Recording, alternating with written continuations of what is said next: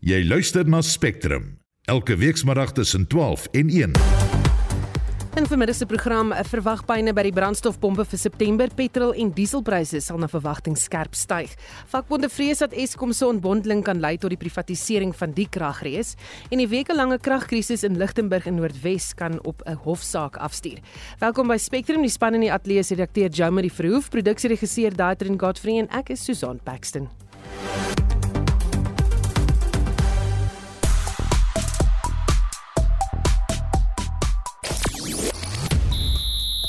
Ons vind uit wie die eerste span is om na die FIFA Vroue Sokker Wêreldbeker eindstryd deur te dring en die Bokke is nie van plan om terug te hou in hulle voorlaaste Wêreldbeker opwarmingswedstryd teen Wallis nie. Ek is Shaun Schuster vir RSG Sport. Op Twitter of terwyl X gons dit steeds oor me juffrou Suid-Afrika Natasha Joubert. Die Senzo Mayiwa hofsaak is tweede op Twitter se lys van gewilde onderwerpe. Vandag word daar 'n nuwe getuie geroep. Op Facebook is daar gesprekke aan die gang oor die man wat aangekla word van die moord op Mariolien Smit van Kebega. Hy wil, wil homself glo in die hof verteenwoordig. Daar word ook berig dat parol toegestaan word aan Liwanda Boniswa wat 'n lewenslange vonnis uitgedien het, het vir moord op Marike de Klerk, die voormalige president FD de Klerk se vrou. Op Instagram berig rapport oor die dood van die jong boer Willem Kreer. Daar word beweer dat die WhatsApp boodskappe wat sekere mense by die saak betrek vervals is. Nou, en ons gesels oor die departement van justisie en die korrektiewe dienste wat die wet op regspraktyk gewysig het wat regslyn nou verplig om gemeenskapsdienste te doen. Kandidaatprokureurs word vereis om jaarliks gemeenskapsdiens van 8 uur te doen en 40 uur vir praktiserende regspraktisyns. Hoe kan verpligte gemeenskapsdiens help om toegang tot regsdienste te verbeter? Is ons vraag. Deel jou mening oor die verandering in die wet deur 'n SMS te stuur na 45889 teen R1.50 per boodskap. Jy kan ook saampraat eh, praat op RC se Facebookblad en jy kan saampraat oor enige van die stories waaroor ons vandag berig. So dis op beide daardie platforms. Spectrum, jou middagnuusprogram op RSG. Dis so by kan 7 minute oor 12. Vakbonde het hulle afkeer uitgespreek in die ontbondeling van Eskom in drie afsonderlike entiteite, genaamlik generasie, transmissie en verspreiding. Hulle het kommer uitgespreek dat dit die eerste stap is vir die kragvoorsiener om geprivatiseer te word. Die minister van openbare ondernemings, Pravin Gordhan, het die groen lig gegee dat Eskom se verspreidingsafdeling as 'n nuutgevormde staatsentiteit verkoop moet word. Is dit 'n klaar doen verslag? Gordaan het in 'n verklaring gesê Eskom as maatskappy sal steeds al drie entiteite besit. Die Nasionale Unie vir Metaalwerkers, NUM, sê die ontbondeling van die kragverskaffer stel Eskom bloot aan privatisering. NUM se energiesektorkoördineerder, Kangela Baloyi, sê die huidige struktuur van Eskom werk reeds sedert dit in werking gestel is en is slegs verswak omdat die generasieafdeling nie suksesvol bestuur is nie. No, no, we don't have a problem with uh, distribution staying in state hands. But the question is, why unbundle then? If all these companies, three companies, are still going to be owned by the state and they're all going to report to ESCOM, why unbundle? Because in reality, ESCOM is unbundled as we speak. Because ESCOM has got divisions. It's got transmission as a division, it's got a generation as a division, and it's got distribution as a division. So why unbundle? The reason for unbundling is to prepare ESCOM for privatization, and that's the only truth. Kusatu sê die uitdagings wat Eskom in die gesig staar kan toegeskryf word aan onderbesteding in nuwe generasie kapasiteit, korrupsie en kriminele aktiwiteite en nie die huidige strukture van die kragverskaffer nie. Kusatu se parlementêre koördineerder, Matthew Sparks, sê die ontbondeling van Eskom sal dit nog moeiliker maak om interne probleme te bestuur. Hy sê vakbonde en werknemers is nie in die proses gekonsulteer nie.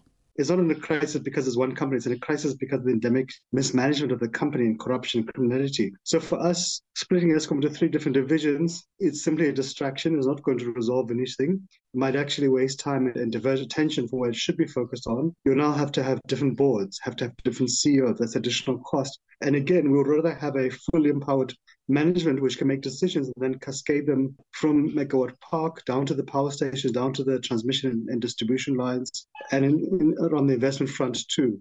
Die departement van openbare werke sê die ontbondeling kan slegs geïmplementeer word as ooreenstemmende bates van Eskom as maatskappy oorgedra word na elk van die nuwe maatskappye. Die goedkeuring van die ministers van Finansies en Openbare Ondernemings word egter vir die proses benodig. Die verslag is saamgestel deur Naledi Ngobo. Ek is Estie de Klerk vir SAK nuus. Ons bly by die storie en praat nou met die hoof van Solidariteit se Navorsingsinstituut Connie Mulder. Goeiemôre Connie. Goeiemôre Susan. Die ontbondeling van Eskom is nie 'n nuwe konsep nie, lankal al gesê dit het dalk net langer geneem as wat beplan is. Uh, wat is julle opinie op die jongste verwikkeling? Man, ek dink om ja, dis 'n sterk stelling om te sê vakbonde is negatief oor solidariteit is is pro hierdie ontbondeling al vir 'n ruk van 2019 af toe dit aangekondig is. Um, om die eenvoudige rede Eskom is 'n hopeloos te groot maatskappy om te kan enigstens doeltreffend kompeteer in die uh, komende energiemark wat ons na na op pad toe is. So ons verstaan waarom ontbondeling nodig is in hierdie drie afdelings. Dis eintlik 'n poging deur die regering om nog uh, enigstens uh, bestaansbeheer oor 'n deel van die elektrisiteitsnetwerk te hou want ons sien nou reeds dat die private sektor net eintlik uh, ongenaakbaar opwekking byvoeg en uiteindelik gaan verspreiding ook oorneem soos wat uh, daai laaste been al hoe moeiliker raak en um, dat transmissie dan nou in staatshande wil bly. So uh, dis die doel van die ontbondeling aan die een kant is om die, die private sektor eintlik so bietjie uh, uit uit een sektor uit te hou en ons verstaan dit. Uh, dit moes al Desember 2022 afgehandel gewees het. So dit is dis iets wat wat moet kom, wat gaan kom en wat hopelik en um, dis waar ons dalk verskil van die ander vakbonde wat absoluut hopelik lyk na gedeeltelike privatisering van die uh, opwekking en verspreiding uh, afdelings van Eskom sodat ons uiteindelik bietjie meer doeltreffendheid daar kan sien. Hm. Sien net geweer watter drie uh, weet uh, gedeeltes is daar so dis die hm. uh, die verspreiding, die kragopwekking en transmissie. Ja, dit is so opwekking is dis die kragstasies wat die wat die elektrone in die netwerk instoot. Ehm um, so hulle wek op die steenkoolstasies wat ons nou sien wat so gereeld breek. Dan het jy transmissie, dis jou hoogspanningslyne waar die uh, elektrisiteit vanaf die kragstasie tot dan nou naby in 'n in die munisipaliteit invat of tot uh, tot naby aan die verbruiker. En dan het jy ehm um, distribution of distribusie. Dis die laaste stukkie wat na individuele wat hom weer as laer uh, voltage maak en hom dan na die individuele verbruiker toe vat. So die regering se argument argument is dat die transmissienetwerk is baie soortgelyk aan ons um, padnetwerk. Dis iets wat wat almal moet kan gebruik en is iets wat in staatsbesit moet bly of die staat moet dit beheer daaroor hê ten minste uh, weens veiligheidsredes. Nou daar daar is geprivatiseerde transmissienetwerke in Europa wat goed werk. Um, as jy by ons kyk, Vesel Internet is 'n geprivatiseerde netwerk, so dis nie noodwendig so nie, maar ons kan meriete insien in hierdie argument waarom die regering in opwekking en verspreiding moet wees wel maak glad nie sin nie en dit is waar ons eintlik primêr uh die totale ineenstorting begin beleef van opwekkingsvermoë en waarom ons in die donker sit elke dag. Hmm. So julle voel dat hy geheel en al geprivatiseer moet word, niks moet in Eskom se besit bly nie. Hmm. Ons nee, ek sal nie sê geheel en al nie. Ek dink Eskom gaan altyd 'n rolspeler wees in die kragmark, maar ons is meer van mening dat die uh, die elektrisiteitslandskap moet geprivatiseer word so ver as moontlik. Ons het nou gesien wat gebeur wanneer um, ons die staat uh, sonder winsmotiewe en die laat krag opwek en die, en die antwoord is eenvoudig ons het nie krag nie. Um, ons soek graag dat die private sektor kan betrokke raak. Hiervoor is dit nodig om die drie op te breek om 'n eenvoudige rede. Jy wil privaat uh, kragmaatskappye hê wat krag opwek maar wat dan moet kan krag op 'n netwerk stoot en dit sal enorme probleme veroorsaak as Eskom moet kompeteer met hierdie ouens maar hulle sê maar julle moet eers julle eie transmissienetwerk bou. Hierdie transmissienetwerk wat ons met belastinggeld gebou het, gaan julle nie toegang tot kry nie. So die opbreek is eintlik om dit moontlik te maak vir 'n uh, privaat mark aan die opwekkingskant en dan hopelik um, later 'n uh, privaat mark aan die verspreidingskant sodat jy as verbruiker kan sê maar soos wat jy nou kies tussen Cell C, MTN en Vodacom, ek wil by hierdie ene krag koop. Hulle pryse is beter of hulle het 'n spesiale aanbieding. Die normale goeder soos wat enige normale kommoditeitsmark hmm. werk um, dat ons daai in plek kan kry. Sê vir my aansienlik minder beerkrag word tans toegepas, moet ons verheug of bekommerd wees? ons is ek dink ons is so 'n bietjie eintlik nou al uh, uh gestokkom sindroom oor beerdkrag dat ons opgewonde raak en ons net in fase 3 is. Um ek ek ek wil ek raak elke keer moet mense kwaad raak. Uh dit is moenie moenie die oorverbindery glo nie. Die die nommer 1 rede eintlik waarom ons nou aansienlik minder beerdkrag sien is want die son skyn lekker helder en mense in die private sektor is besig om kapasiteit aan die opwekkingskant by te voeg wat skrik vir niks. Um die skatting is nou dat Ek dink ons trek op 4.500 megawatts se son op dakke. Nou dis 2.5 Kuibergs wat mense nou al op hulle dakke gesit het en dit is primêr die rede waarom ons laer deur die dag beleef. So ook is instandhouding vir in hierdie wintermaande word gestop, maar daar moet weer instandhouding gedoen word um, later. So ek verwag ons ek dink ons gaan in fase 1 en fase 3 nou nou wees dalk selfs geen beerkrag deur die dag later van die jaar nie, maar nog steeds in die aand en dan Desember wanneer hulle wanneer ek kom gewoonlik weer begin met die somer instandhouding en 'n klomp eenhede van lyn moet vat mag ons dalk moeilikheid hê mits uh, as Medupi en Kusile se projek betyds afgehandel is gaan ons daai dalk kan vryspring. Um, en Kuiberg se reaktor uh, betyds omgeskakel word. Maar as daai nie gebeur nie dan gaan ons um, dan gaan ons dalk weer in in beerkrag sit. Ek dink mense moenie dink dis dit dit gaan nie weggaan nie. Dit is hier om te bly en dit gaan uh, dit gaan telkens net um, nie uit Eskom se oort uit beter geword nie. Baie dankie vir praat met hoof van Solidariteit se Navorsingsinstituut Connie Mulder Inwoners van die Dietse Botla plaaslike munisipaliteit in Lichtenburg in Noordwes is reeds vir 3 weke sonder krag. Dit nadat 'n kragmas in die omgewing omgeval het en 'n transformator by 'n substasie beskadig het. Die munisipaliteit verdeel sedertdien kragtoevoer na die gebied wat 'n negatiewe impak op sakeondernemings se bedrywighede het. Die munisipaliteit het reeds die beskadigde transformator vervang, maar Eskom sê kragtoevoer sal eers aangeskakel word wanneer die Ditsobotla munisipaliteit 123 miljoen rand van sy Eskom skuld delg. 'n Sakeman wat anoniem wou bly, sê dit is onregverdig omdat hy op 'n weeklikse basis meer as 400 000 rand vir elektrisiteit betaal. Ander, soos Hans Nel, moes alternatiewe planne maak. I was very lucky and I had to spend a lot of money to implement uh, solar. So I've got my own solar system because I don't like to decrease my staff and where do they go to? People in Lichtenburg are depending on most of the people are depending on electricity. And what's so so bad, the poor people is the people that pay prepaid.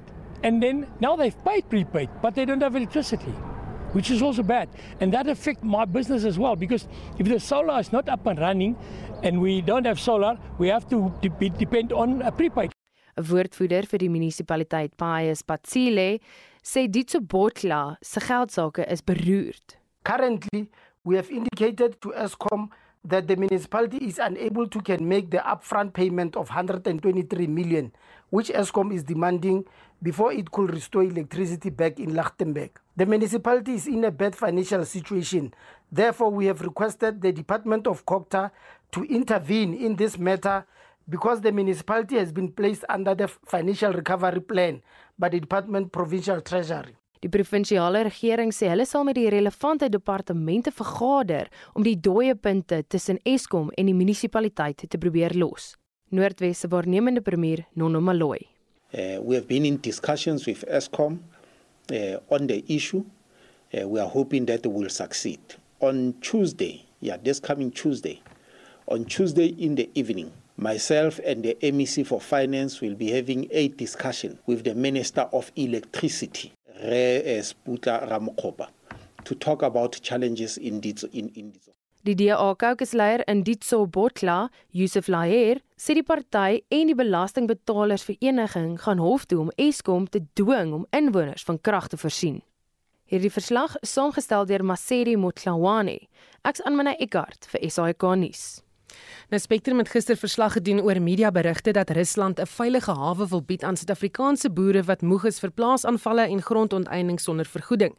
Die landbouorganisasie SAI het aan ons bevestig dat die inisiatief nie amptelik is nie, maar dat die Russe tog veral voor die pandemie en die oorlog in Oekraïne belangstelling in so 'n konsep getoon het. Toe die jager het aan Marlenae Forsie verduidelik hoe dit alles in mekaar steek. Die storie begin al in 2018 toe daar in Moskou by die Wêreldlandbouorganisasie 'n debat ontstaan het oor onteiening sonder vergoeding en die hele plaasveiligheidssituasie in Suid-Afrika. Nou die debat het baie warm geword tot die mate dat die Suid-Afrikaanse ambassade in Moskou ook na die vergadering gekom het om te probeer ingryp. Die debat het is genadiglik nie na 'n resolusie toe gedryf nie, dit is uitgestel. Maar die russe was nie tevrede nie. Die Landbouunie is kort daarna in 2019 Suid-Afrika toe om te kom kyk hoe dinge hier werk. Hulle wou graag gesels met politici, beide in die ANC en in die EFF. Hulle wou gehad het ons moet hulle neem na pakhuise toe van waar af sitrus uitgevoer word na Rusland toe en hulle wou 'n verslag saamstel. In Rusland soos in van die Oosbloklande, Hongarye, Pole, Roemenië, is daar nie regtig afstand tussen die burgerlike strukture en die politieke strukture nie. Beleidsbeïnvloeders en beleidsmakers is baie naby aan mekaar. So sit byvoorbeeld in elkeen van die lande wat ek nou genoem het, die president van die nasionale landbouunie, sommer in die parlement ook. Trouwens hy's voorsteur van die portefeulje komitee op landbou. En so gebeur dit dat 'n landbouunie se verslag sy pad vind in die parlement in om 'n besluit geneem te kry. 'n Verslag is na die besoek opgestel in 2019 toe daar oorweeg is om die grondwet te verander ten gunste van grondonteiening sonder vergoeding en aan die parlement in Moskou oorhandig. Die Russe is nie daarmee opgetrek nie. Hulle sê ons wasel daar. Ons het gesien waarheen daai pad lei. Hulle het baie sterk uitgekom teen nasionalisering en teen onteiening sonder vergoeding. En hulle het hulle mond redelik uitgespoel oor die kwessie van plaasaanvalle, plaasmoorde in 'n swak veiligheidssituasie, veral as dit kom by diefstal. En hulle het vir ons gesê, as daar mense is wat hulle grond verloor of wat vanweë 'n te swak veiligheidssituasie iewers heen moet vlug, moet julle ons kontak. Ons sal vir hulle voorsiening maak. Nou dit het nooit gebeur nie. Alle amptelike kommunikasie oor so 'n ooreenkoms het wel gestop terwyl aan die COVID-19 pandemie en daarna die oorlog in Oekraïne. Dit is verseker nie 'n veilige omgewing om nou in te gaan boer nie. Is ook polities nie 'n veilige omgewing nou nie. Maar hierdie oorlog sal seker een of ander tyd ook weer oorwees. As jy vat hoeveel van ons jong seuns op die oomblik in die FSA sit. Ons het kontak met omtrent 12800. Destyds toe die die Russe hier was, het hulle gesê daar's drie dinge. As ons miskien 'n bietjie kan uitruil op opleiding, veral mekanisasieopleiding onder jong mense. En dan tweedens, as ons van julle mense kan oorbring na ons toe om kennisoordrag te doen en om op plase te werk en dan te help bestuur en dan weer teruggaan soos wat die Amerikaners doen. Maar derdens, het hulle gesê as daar van julle is wat aan hierdie kant wil kom boer en dan by uitstek in die vleisbedryf die besenskap, dan sal ons graag daai ruimte skep. So dis waar die gesprek eintlik stomp afgesny is 3 jaar gelede al totdat ons nou gesien het dat die proses het verder gegaan in Rusland sonder dat ons enigiets daarvan geweet het. Die jager wat alself in Rusland was, deel sy ervaring. Rusland is nie 'n maklike land nie. Selfs op sy beste as hy nie in 'n oorlog is nie. Daai Russe praat net Russies. Oral waar ons gaan moet ons iemand saamneem wat Engels vertaal en meestal het daai ouens sulke strikdasse aan om een of ander rede. Uh, Daar's min van hulle. Jy sit baie keer 'n uur en wag in 'n vergadering totdat daar iemand opdaag wat kan vertaal. En dis koud. O bloed, dis koud. En dan daar waar hulle hierdie nedersettingkie inrig, dis tussen Moskou en Sint-Petersburg. So dit is in die digbevolkste deel van Rusland. Dis prima area in terme van die markte, maar jong, dit word koud daar. Dit was die Jude Jager van Sai, Marlene Forsie, SAK nuus. Die amptelike werkloosheidskoers in die tweede kwartaal van die jaar was 32,6% teenoor 32,9% in die eerste kwartaal. In diensname syfers het met 154 000 werksgeleenthede toegeneem tot 16,3 miljoen in die tweede kwartaal van die jaar. Statistiek Suid-Afrika het kort gelede die statistiek bekend gemaak. En vir meer hieroor praat ons nou met 'n ekonom aan die Noordwes Universiteit se besigheidskool professor Waldo Kriel. Goeiemôre Waldo. Goeiemôre Susan. Kom ons kyk gou na hierdie indeks hoe dit vertoon.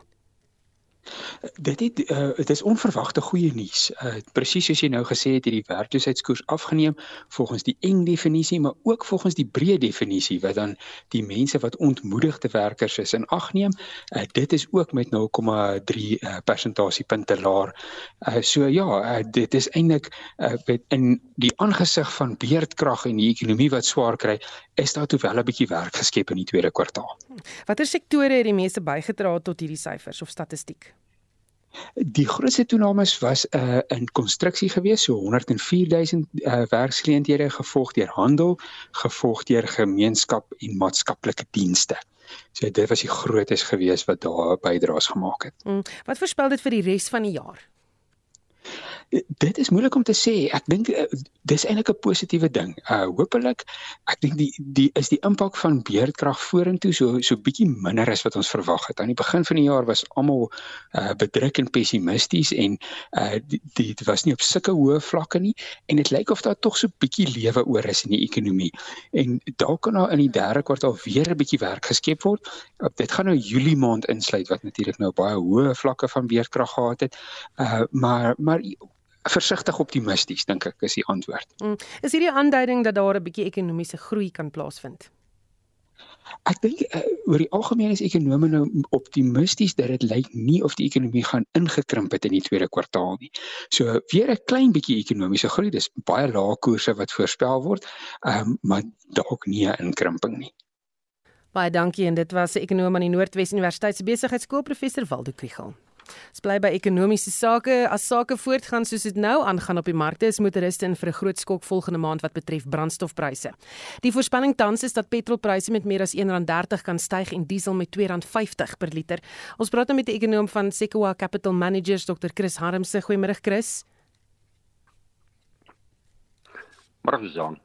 Hoekom hierdie groot stygings? Ja, die Engels het uitdrukking, 'n sogenaamde double whammy, né? Jy word jy, jy word hier buite dis is 'n ou soos in rugby wat onder en bo het gebo getackle word. Dis wat hier gebeur.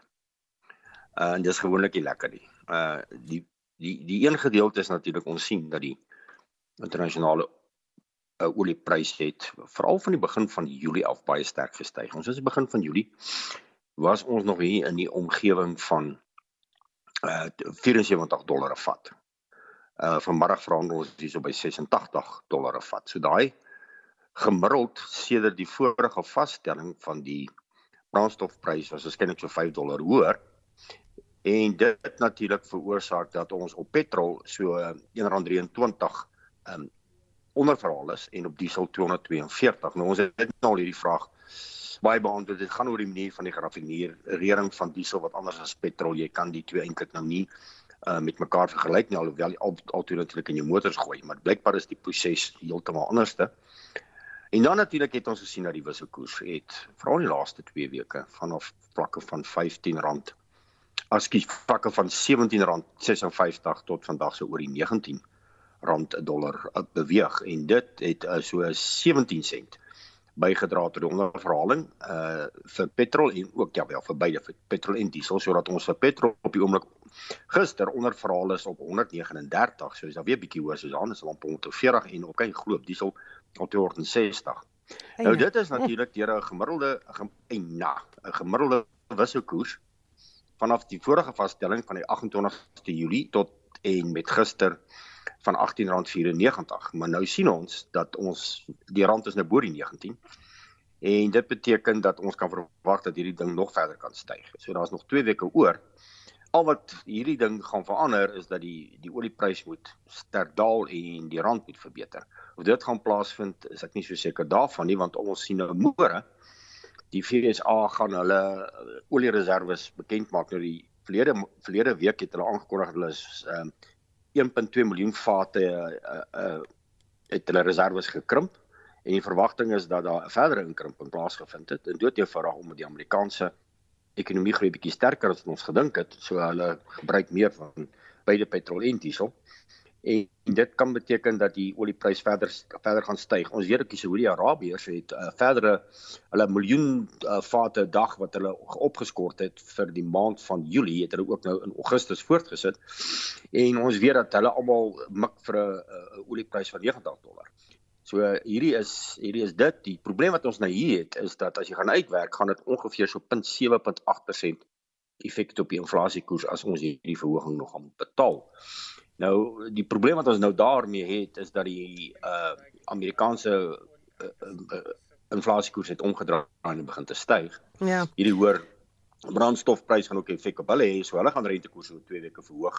So hierdie kan 'n groot bydrae hê dat die monetêre beleidskomitee aan die begin van Oktober by ons ook rentekoerse verder gaan verhoog. Ooh, nou, nou sê vir my, het ons al voorheen so 'n stygings gesien in brandstofpryse? Uh ja, ons het ons het ons het al oon by die 200 250 gehad. Ehm um, uh beide maar ons het al een nog gehad van 250 daling ook. Uh, luisteraars sal onthou dat die net voor Covid ehm um, 'n jaar of 2 voor Covid, die by 2018 uh was die die internasionale olieprys gedaal tot so laag as uh 24 dollar vat en toe het hy begin te styg in daai daling van van 2016 tot 2018 van die van ongeveer ook van 80 dollar vat tot 24 het ons 'n paar maande gesien dat ons uh weet 'n redelike 'n redelike 'n redelike verlaging gehad het in die is jy nog daar? Hm, ek vir my daai lyn van hom uh, het ons daar in die steek gelaat. Uh, maar ek dink ons het nou gehoor dis baie slegte nuus dat die brandstofpryse tans 2 2.60 gelyk het by al opstaan kan nog hoër wees en dit was die ekonom uh, Chris Dr Chris Harmse van Sequoia Capital wat met ons gepraat het. Die premier van Gauteng Panjasa Lesufi sê die provinsie bly 'n aantreklike beleggingsbestemming ongeag die hoë misdaadsyfer. Hy was die hoofspreker by 'n provinsiale sakeforum waar sakelei van BRICS lande teenwoordig was in aanloop tot die BRICS beraad Anne-Marie Jansen van Vieren doen verslag. Lesofie sê die regering beoog om 'n digitale ekonomie in Gauteng te skep wat nuwe werksgeleenthede tot gevolg sal hê. We want to move from mining to a digital economy. That all forms of digital economy must resonate within our province. That anyone that want to enter that space, invest in that space and be attracted to that space, they must find comfort in our province. Hy sê daar is ook planne om die plaaslike ekonomie van die verskeie stede te laat groei. Boonop gaan 'n groot sonkragaanleg in die Wesrand gebou word om die kragkrisis op te los. There is a new area and this was imposed on us not dictated by any other thing but the situation that we find ourselves in called load shedding or shortage of energy. So we are now creating Westrand to build the biggest solar farm and convert it as an area where we need to create new energy. Lesofie sê misdaad bly die provinsie se grootste kopseer. Die misdaadstatistiek vir die 4de kwartaal toon daar is 'n toename van 9,5% in die getal moordsake wat in Gauteng aangemeld is. Lesofie sê meer as 4 miljard rand is aan misdaadbestryding toegeken. If we can't fight crime will not attract new investment in our province. If we can't tackle crime head on, we'll not be in a position to speak about good things that are happening in our province. Die adjunkminister van Handel, Nywerheid en Mededinging, Fikile Majola, sê president Cyril Ramaphosa het vroeër die maand met verskeie sakeleiers vergader en daar is ooreengekom dat die regering haalbare oplossings vir die krag- en vervoerkrisisse asook die misdaadprobleem moet vind. Of the many many challenges that we face, there are three that we must solve and solve urgently. First, the energy crisis that Premier Sufi spoke about. Second, transport and logistics so that our goods and our people can move from inland to the ports. Third, crime and corruption. Die provinsiale regering hoop om handelsbande met internasionale sakelui te versterk en nuwe buitelandse beleggings te lok. Die verslag deur Notando Mugudulela en ek is Anne Marie Jansen van Vuren vir SAK nuus. Jy luister na Spectrum. Elke week saterdag tussen 12 en 1. Nou gaan die Nessie Polisie se ingrypingseenheid in Riverlea suid van Johannesburg trek onwettige myners vas en die Verenigde Nasies is bekommerd oor die militêre junta in Niger se besluit om president Bazoum van hoogverraad aan te kla. Bly ingeskakel.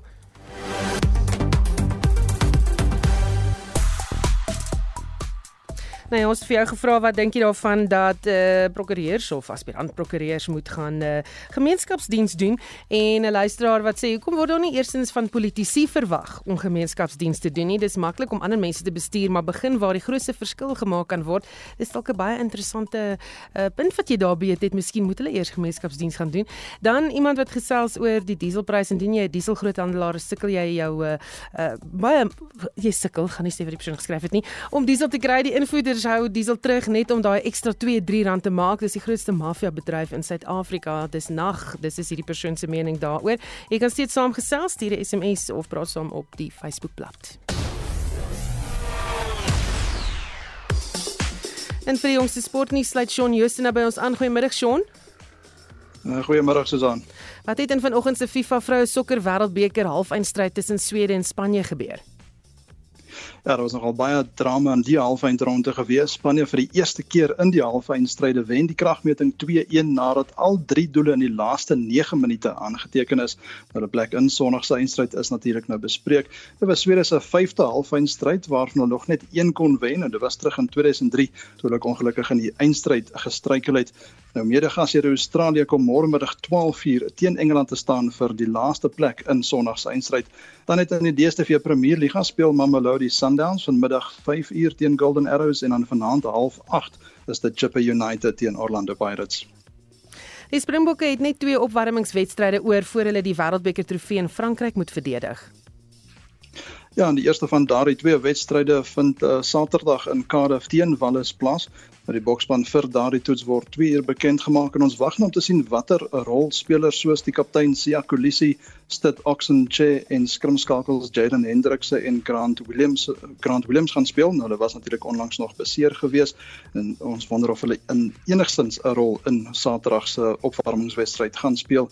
Nou die slot John Klein en die skrimafrigter Dan Iman sê die Springbokke sal elke wedstryd as belangrik beskou en nie terughou omdat hulle beserings vrees nie. 'n Beserings het 'n draai in die Franse en Engelse spanne onder andere gemaak en kan moontlik nog oor die volgende 2 weke amok maak voor die Wêreldbeker op 8 September in Frankryk afskop.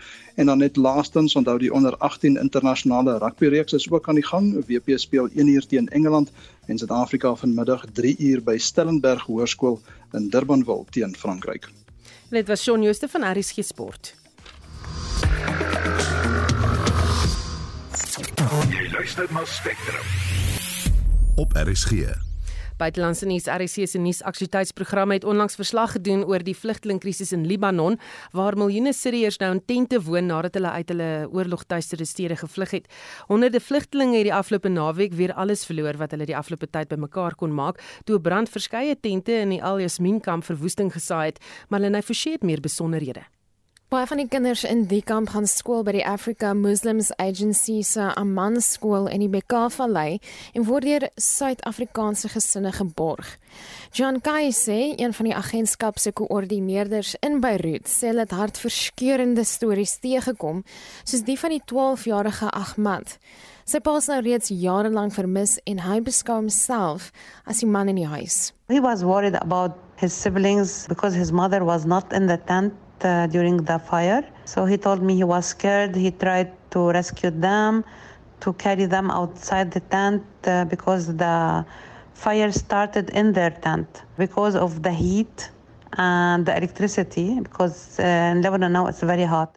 Hy is boonop een van min vlugtelingkinders wat kan skool toe gaan en saam met die kommer oor sy gesin was hy ook bang dat hy nie meer kan skool toe gaan nie. So Ahmed told me I feel sad because I got to shoes for school next month and I lost uh, my school uniform. How shall I go to school? He was really afraid. It's really sad. I told him we will get you new shoes and new school uniform. Skoene en klere kan vervang word, maar daar is ander goed wat vir ewig verlore is. Salam is 11 years old. She's an orphan. She lost her dad when she was only 16 days old in Syria. She came to Lebanon and she lives uh, with her grandmother after her mother also left her. She lost uh, all her simple belongings in the tent, but she was crying and crying. She told me, I don't feel sad about anything I lost except one thing. I feel sad because I can't find a picture of my father. It's the only thing that I got uh, for him. I used to tell him everything about my life, about things happening, my good grades at school. So this picture used to be everything that I own. It's the most precious thing that I owned. It's like I lost my father twice. Kai sê sê Ama is besig om die skade te help herstel en hoop dit sal ook 'n bietjie help om die tentkamp se beeld as plek van vreugde te herstel. We need their smiles to be back because the camp used to be full of life. It's like a place for hope and uh, for dreams coming true. The children there are uh, full of life. Uh, they are very smart. So I hope uh, they will forget what happened and just be back to life. Their smiles will be back to to their hearts so they can enjoy their childhood again. Dit was Jean Kaise, 'n koördineerder vir die Africa Muslims Agency vanuit Beirut in Libanon. Marlene Forsie is daai konnies. Die klag staat vir aanklagte op rampokkery en gevolge wetgewing waarvan lede van georganiseerde misdaadgroepe vervolg word teen die VSA se voormalige president Donald Trump is vanoggend in die Amerikaanse deelstaat Georgia openbaar gemaak. Trump word saam met 18 mede-beskuldigdes op 41 gesamentlike aanklagte aangekla vir hulle beweerde pogings om die verkiesingsuitslag in 2020 in Georgia te wysig. Van sy mede-beskuldigdes sluit in sy voormalige prokureur Rudy Giuliani en die voormalige Withuis personeelhoof Mark Meadows. 'n Aan kan tronkstraf van tot 20 jaar beteken. Hier is die federale in Georgia, advokaat uh, Willis. Specifically, the participants in association took various actions in Georgia and elsewhere to block the counting of the votes of the presidential electors who were certified as the winners of Georgia's 2020 general election. As you examine the indictment, you will see acts that are identified as overt acts and those that are identified as predicate acts, sometimes called acts of racketeering activity. Overt acts are not necessarily crimes under Georgia law in isolation, but are alleged to be acts taken in furtherance of the conspiracy. The acts identified as predicate acts or acts of racketeering activity are crimes that are alleged to have been committed in furtherance of the criminal enterprise. Dit was die federale staatsanklaer in Georgia, advokaat Fanny Willis. Ons praat nou met Jaco Kleinhans, die hoof van Solidariteit se afdeling vir internasionale betrekkinge. Goeiemiddag, Jaco. Ja, goeiemiddag Susan. Is die vierde hofsaak wat Trump in die gesig staar, hoe gaan dit sy verkiesingsveld tog beïnvloed?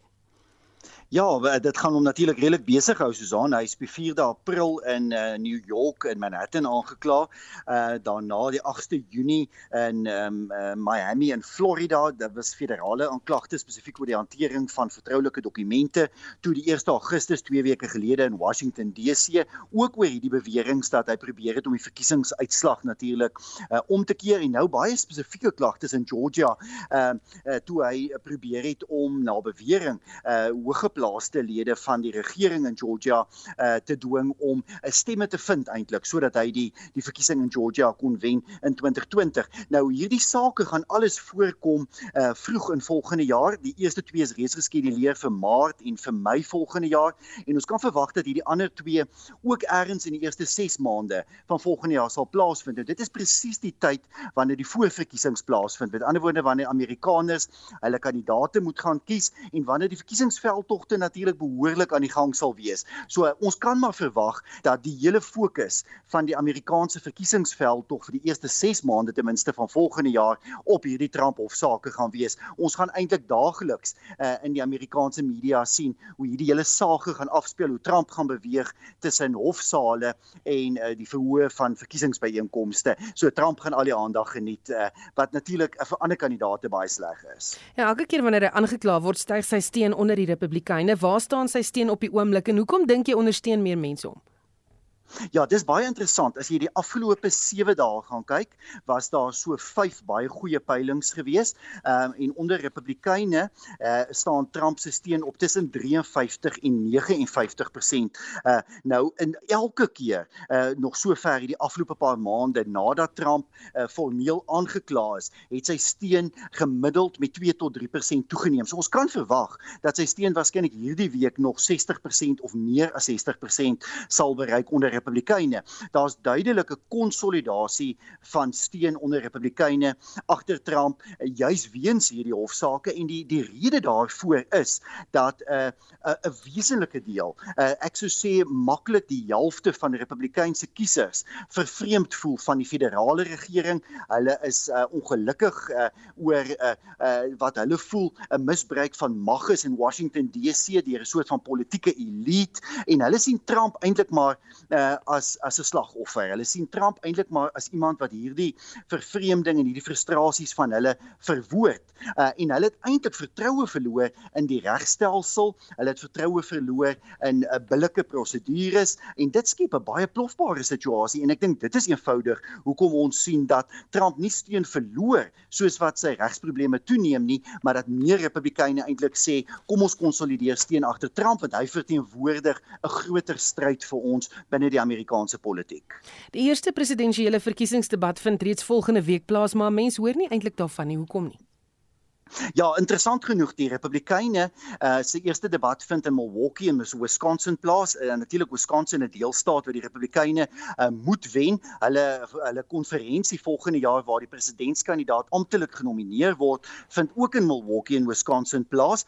En natuurlik wil die die Republikeinse kandidaate graag oor belangrike kwessies debatteer. Kyk, dit is 'n uh, baie onseker tye tans in Amerika. As jy net gaan kyk hoe Amerikaners voel oor 'n aantal kwessies. Hulle kom oor internasionale aangeleenthede, die oorlog in Oekraïne, die spanning met China, dan die Amerikaanse ekonomie, onwettige immigrasie, gesondheidsorg, klimaatsverandering. Daar's baie dinge wat Amerikaners tans baie bekommerd maak. So wat baie kandidate wil sien is dat 'n debat oor hierdie kwessies moet plaasvind. Maar ons sien eintlik eintlik byna niks daarvan plaasvind nie. Dit lyk om die waarheid te sê of Trump dalk nie eers aan enige debatte gaan deelneem nie. Hy het nog oor die naweek uh, in 'n 'n onderhoud met 'n tydskrif gesê dat hy oorweeg om nie aan hierdie eerste debat deel te neem nie omdat hy voel hy het soveel steun onder Republikeine dat hy eintlik reeds die nominasie gewen het. So wat ons eintlik tans sien is jy maar net die Amerikaanse media dophou koerante, radio, televisie is die hele fokus op Donald Trump, uh, op Trump se veld, op Trump se standpunte en natuurlik hierdie hofsaake van hom en dit neem eintlik al die suurstof weg van ander Republikeinse kandidaate. Ek wil ook eintlik sê eintlik kandidaate van die Demokratiese party om regtig oor belangrike sake in Amerika te praat. Baie dankie vir gepraat met Jaco Kleinhans, die hoof van Solidariteit se afdeling vir internasionale betrekkinge. Die VNC is bekommerd oor Niger se militêre junta se besluit om president Mohamed Bazoum aan te kla van hoogverraad. Bazoum en sy gesin is steeds in aanhouding na die staatsgreep op 26 Julie en daar's heelwat vrese oor sy gesondheid. Malene Forsie berig verder die VN het opnuut gevra dat die land se demokratiese verkose regering herstel word.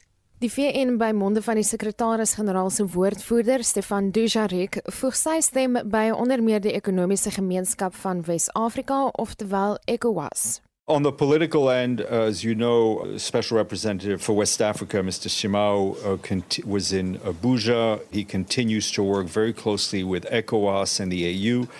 It's very important that the UN, the regional organizations, sub regional organizations present a united front, which we would hope will move to the reversal of the situation. Die VN se kommer spruit voort uit 'n artikel wat Bazoum vanuit sy plek van aanhouding vir die Washington Post in Amerika geskryf het. In die artikel vra hy dat die internasionale gemeenskap wet en orde in die land moet herstel omdat die junta probeer om demokrasie in die land omver te werp en dat dit 'n nekslag vir die streek sal wees. Dis onduidelik of dit die woorde is wat tot die aanklagte van hoogverraad gelei het. Die VN se hoogkommissaris vir menseregte, Volker Turk, het uitgebrei op Bazoum se omstandighede. Credible reports I've received indicate that the conditions of detention could amount to inhumane and degrading treatment in violation of international human rights law. I have received reports that electricity has been cut and they have no access to clean drinking water amid hot temperatures in Niger and to necessary medicine. Those responsible for the detention of the president must ensure the full respect and protection of his human rights and of all others being held. Maar wat dink die VN van ECOWAS se dreigement dat militêre ingryping as laaste opsie oorweeg word? Sal dit dit ondersteun? We've always support diplomacy. The Secretary General very much feels that, you know, the and this is part of his approach in a sense to a lot of peace and security issues, which is to ensure that sub-regional and regional organizations are in the primary lead, so to speak, and it is up to them to take the decisions they wish to take. Die adjunk woordvoerder van die Amerikaanse staatsdepartement, Vedant Patel, sê intussen hulle verwag dat Bazoum en sy familie ongeskonde sal bly. And now that the CNSP is threatening prosecution, this action is completely unwarranted and unjustified, and candidly, it will not contribute to a peaceful resolution of this crisis. It is a further affront, in our opinion, to democracy and justice and to the respect of the rule of law. And a threat like this underscores the urgency of uh, respecting the constitutional order in Niger. ECOWAS het verlede week aangedui dat hy 'n bystandsmag gaan stig indien militêre ingryping nodig is, maar is onduidelik wat die volgende stap gaan wees. Die verslag deur Sharon Rice Peace in New York, Marlene Forsie, SAK nuus. Die departement van Bosbou, Visserry en Omgewingsake het sy medelee uitgespreek met die afsterwe van een van sy voorste klimaatsveranderingsbeamptes die afgelope naweek. Die 42-jarige Mashudu Owen Mundalamo, die direkteur vir klimaatsverandering, mitigasiebeleide, regulering en beplanning, het Saterdag gesterf. Die woordvoerder van die departement, Pieter Mbolengwa, sê sy kennis oor klimaatsverandering en hoe die land dit moet eh, bestuur was van onskatbare waarde. The death of Mr. Mashudu Owen Mundaramu came as a shock to the entire climate change mitigation team and to the climate change community at large. He was a well respected policymaker in both climate change and air quality policy spaces. Mr. Mundarama was a strong team player and led many projects that have ensured that South Africa has a matured climate change mitigation system with key policy design features that are unique only to South Africa, such as the economy wide carbon tax the sectoral emission targets that are allocated to sector departments, and the carbon budgets that are allocated to polluters. At the time of his passing, Mundarama was working tirelessly to ensure that the process of allocating sectoral emission targets is concluded. He therefore leaves a big gap in climate change mitigation policymaking in South Africa. We now have a duty to ensure that his legacy in this space is carried forward. He leaves behind an able team that will have to take the baton and carry on where he left off. En dit was die woordvoerder van die departement van bosbou, visserry en omgewingsake, Pieter Mbelengwa. Is jou vir ons die nuus en ontwikkelende stories dop. Ons begin met nuus uit Hannover Park op die Kaapse vlakte waar 'n 36-jarige verdagte deur die Kaapstadse Metropolisie in hegtenis geneem is. Nou die verdagte is in hegtenis na 'n verband met 'n bende verwante skietvoorval en die Metropolisie se woordvoerder Ruth Solomons sê beamptes wat misdaadvoorkomingspatrollies in die gebied gedoen het, het die verdagte te voet agterna gesit. He fired at the officers, but they continued the chase and arrested the 36 year old suspect in Nova Park Avenue. The officers recovered a 9mm pistol with 10 times 9mm live rounds of ammunition. The suspect was charged for various crimes, which include attempted murder, the discharge of a firearm in a municipal area, the possession of an unlicensed firearm, and illegal possession of ammunition. Die munisipale bestuurder van die Mosselbaai munisipaliteit in die Wes-Kaap, Colin Piren, is versoek om meer as 500 000 rand van sy salaris terug te betaal. Piren is in September verlede jaar op 'n hoër salaris deur die DA burgemeester Dirk Coetzee aangestel, ondanks die nasionale en provinsiale ministers van plaaslike regering wat slegs 'n laer salaris vir Piren goedgekeur het. Opposisiepartye het 'n klagte van korrupsie teen die DA burgemeester ingedien en die munisipale raad het Vrydag besluit Berense salaris moet verminder word. David Kamfer van Ikosa is een van die oppositieleiers wat 'n klag ingedien het. Waarom moet hy die geld terugbetaal as hulle hom aangestel het? Daarom sê Ikosa dat die DA moet skuld erken en self die geld terugbetaal met die aanstelling van die munisipale bestuurder. In Riverlea, suid van Johannesburg, is een onwettige mynwerker in hegtenis geneem na 'n oor en weer geskietery gistermiddag tussen onwettige mynwerkers en die nasionale ingrypingseenheid terwyl beamptes die gebied gepatrolleer het.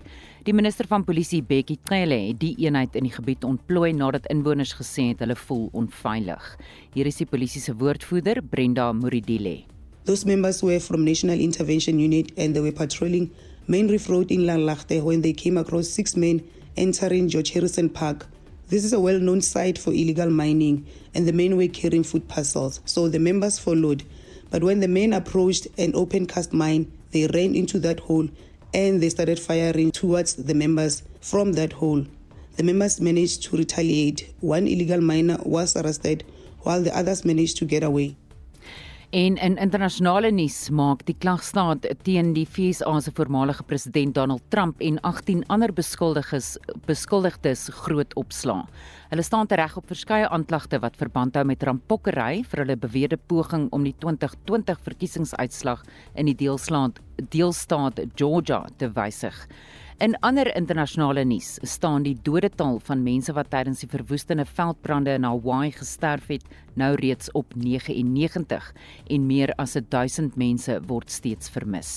Reddingsspanne soek steeds onverpoos na slagoffers, berig die BBC se John Sutworth. The work is difficult and slow, using dogs trained to find human remains. Only around a quarter of the devastated town of Lahaina has been searched so far.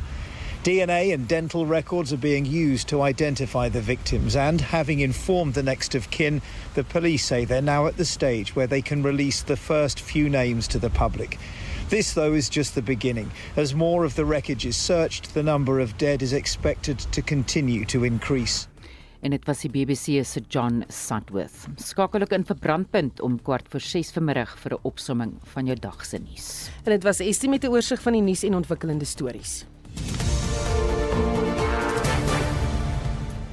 Net so laaste SMS vir ons groet te luisteraar wat sê beoogde stygings in die petrol gaan lei tot stygings in inflasiekoers, rentekoers en algemene stygings van verbruikersgoedere. Hoe lank gaan verbruikers uh, dit nog kan uithou? Facefoos van Pretoria. Ek dink baie mense wat saam met jou stem daar.